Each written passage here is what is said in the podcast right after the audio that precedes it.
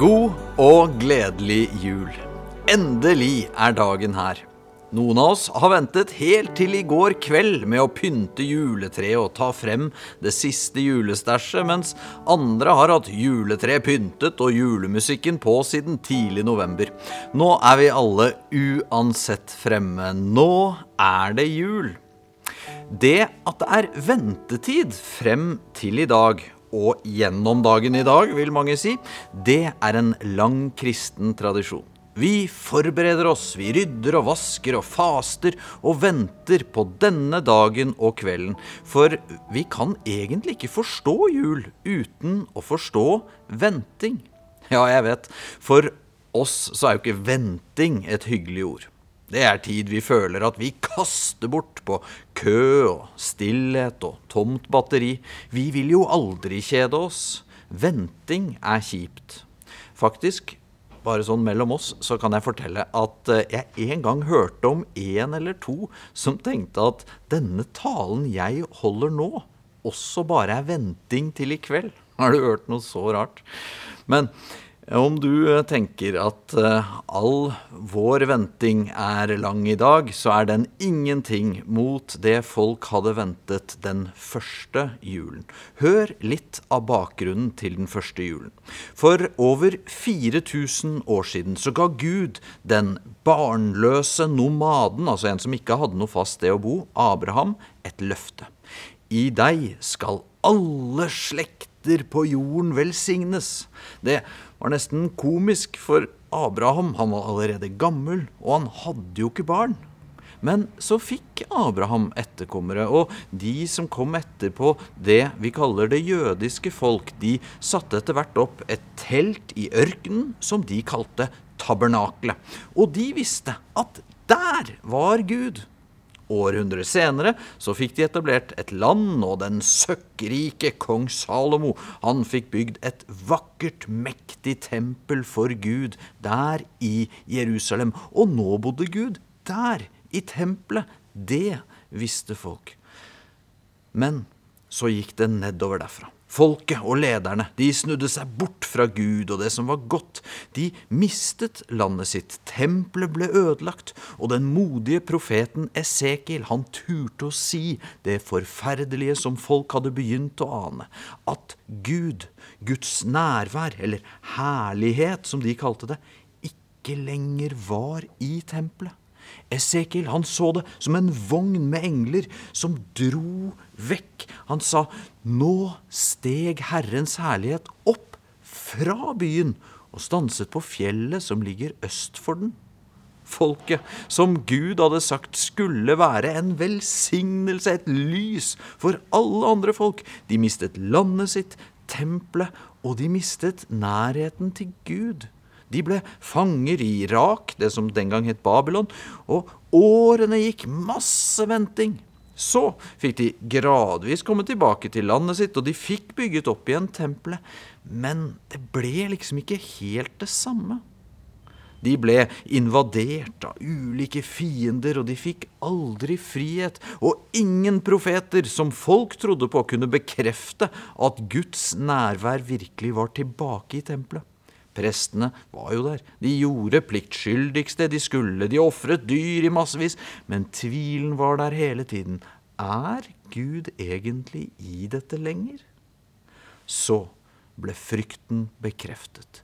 63 år før den første julen inntok den romerske hærføreren Pompeius Magnus Jerusalem igjen, og denne gangen gikk han helt til det hellige tempelet. Han dyttet bryskt vekk tempelvaktene og gikk inn. Forbi skrekkslagne prester gikk han helt inn i det aller helligste stedet, hvor alle jøder helt siden det første tabernakelet i ørkenen hadde lært at Guds nærvær var så sterkt at om noen andre enn ypperstepresten en gang i året gikk inn der, så ville han eller henne dø.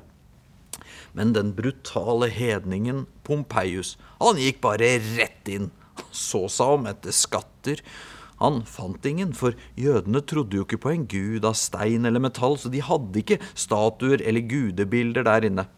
Da trakk Pompeius på skuldrene og gikk uberørt ut igjen.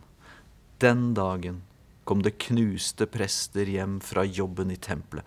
Det som hadde skjedd, var umulig å tolke på noen annen måte enn at Jupiter, romernes gud, måtte være sterkere enn Javé, jødenes gud. Hvor er du, Gud? Nå har du vært stille så lenge, og så forsvarer du deg ikke engang mot disse urene krigerne i ditt eget tempel. På denne tiden mistet mange jøder troen på Gud, og oppslutningen om tempeldyrkelsen dalte. Mange begynte å leve som om Gud ikke fantes, for drømmen fra Abraham 2000 år tidligere, den så jo ut til å være over. Og akkurat da det så aller mest håpløst ut, da kom julen. Det står det skjedde i de dager at det gikk ut befaling fra keiser Augustus om at hele verden skulle innskrives i manntall. Og vi må stoppe litt ved Augustus. For han, han var verdens store stjerne. Han var sjefen over det mektigste imperiet verden hadde sett. Han var så beundret at når han kom inn i et rom, så kalte de han Guds sønn. Tiberius, sønnen hans, skulle senere trykke opp mynter med inskripsjonen Tiberius, sønn av Augustus, Guds sønn. Og nå ville Augustus bare vite hvor mange innbyggere som fortsatt var i live i riket hans, sånn at de kunne skattlegges. Og det her det var før de siste oppdateringene i Altinn, så folk måtte reise fysisk, husker du det konseptet, til sin slekts hjemby. Og det fattige unge paret, Maria og Josef, de måtte reise til Betlehem. Og det var der det skjedde. Og mens de var der, kom tiden da hun skulle føde, og hun fødte sin sønn, den førstefødte etter århundrer med skuffelser, fravær av Gud og mer og mer oppgitt venting, så var det som skjedde denne julen, et virkelig julemirakel. Jesu venn Johannes han satt som gammel, og så skrev han ned historien om Jesus. Og da han skulle skrive om denne her begynnelsen, den første julen, så brukte han det greske ordet logos, skaperordet, om Jesus for å fortelle at Jesus var fra Gud og var Gud. Og så skrev Johannes. Og ordet, altså Jesus, ble menneske og tok bolig iblant oss. Når det står tok bolig, så var det Johannes skrev helt bokstavelig, at han satte opp sitt tabernakel blant oss. For det var det som skjedde. Gud hadde kommet til Abraham under stjernene. Han hadde kommet til folket i ørkenen i det første tabernakelet, og senere i tempelet. Men det hadde alltid vært en avstand der. Et forheng. Et aller helligste. Der folk ikke slapp inn. Gud hadde alltid vært opphøyd på en måte som gjorde han fjern for de fleste.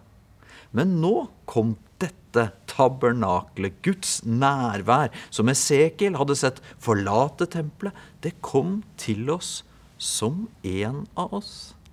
Og denne julaften så vil jeg minne deg og meg selv om hvor annerledes han kom enn hva vi menneskelig skulle kunne forvente av en gud. For verden på denne tiden, det var et brutalt sted.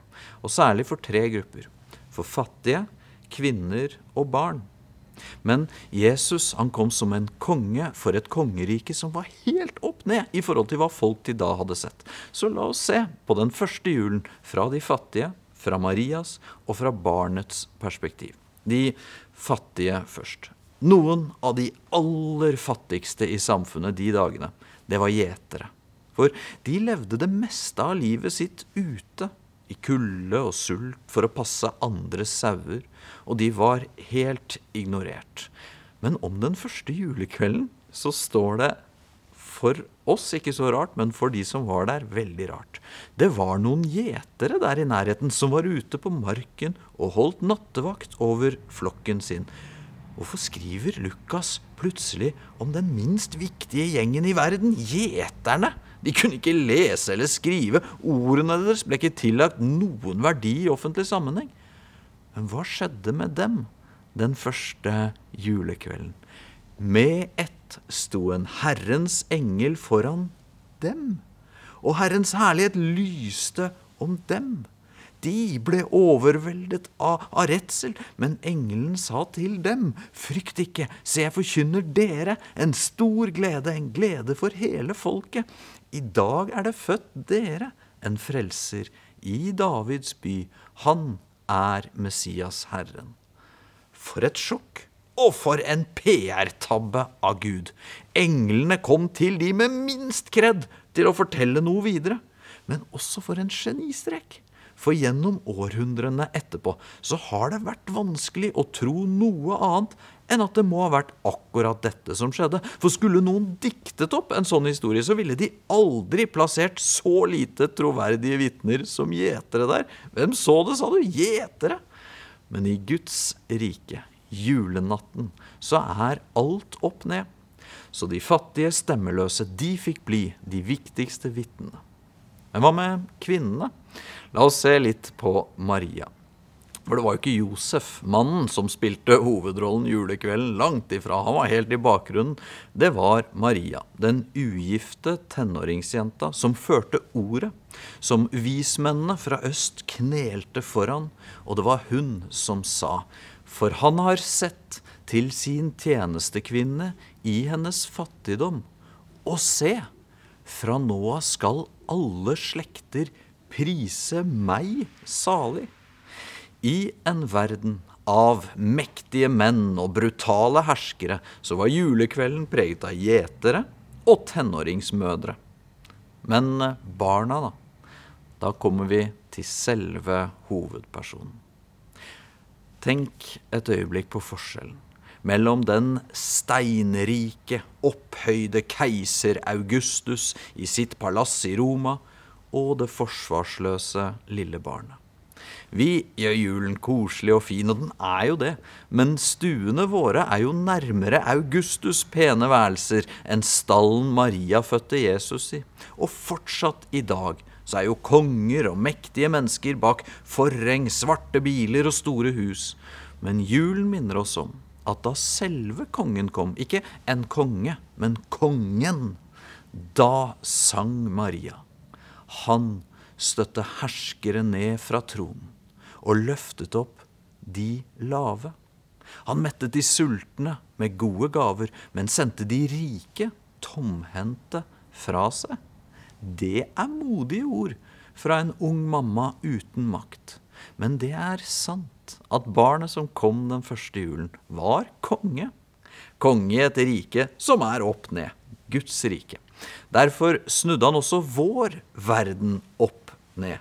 Og vi kan se forandringen fra den første julen. Den gang så ble barn sett på som små, uferdige voksne som bare skulle være stille. Men i dag er julen, som 17. mai, barnas høytid. Så vi har ventet på julaften. Og den første julen hadde folk ventet hundrevis av år. Men da julen kom, så kom den på en måte ingen hadde kunnet forestille seg. Den ga verdighet til de fattige gjeterne. Ga ansvar og lederskap til tenåringsjenta Maria, som fikk bære frem hele verdens frelser. Og Gud selv kom som et lite, nyfødt barn. Som en konge i et opp-ned kongeriket. God jul.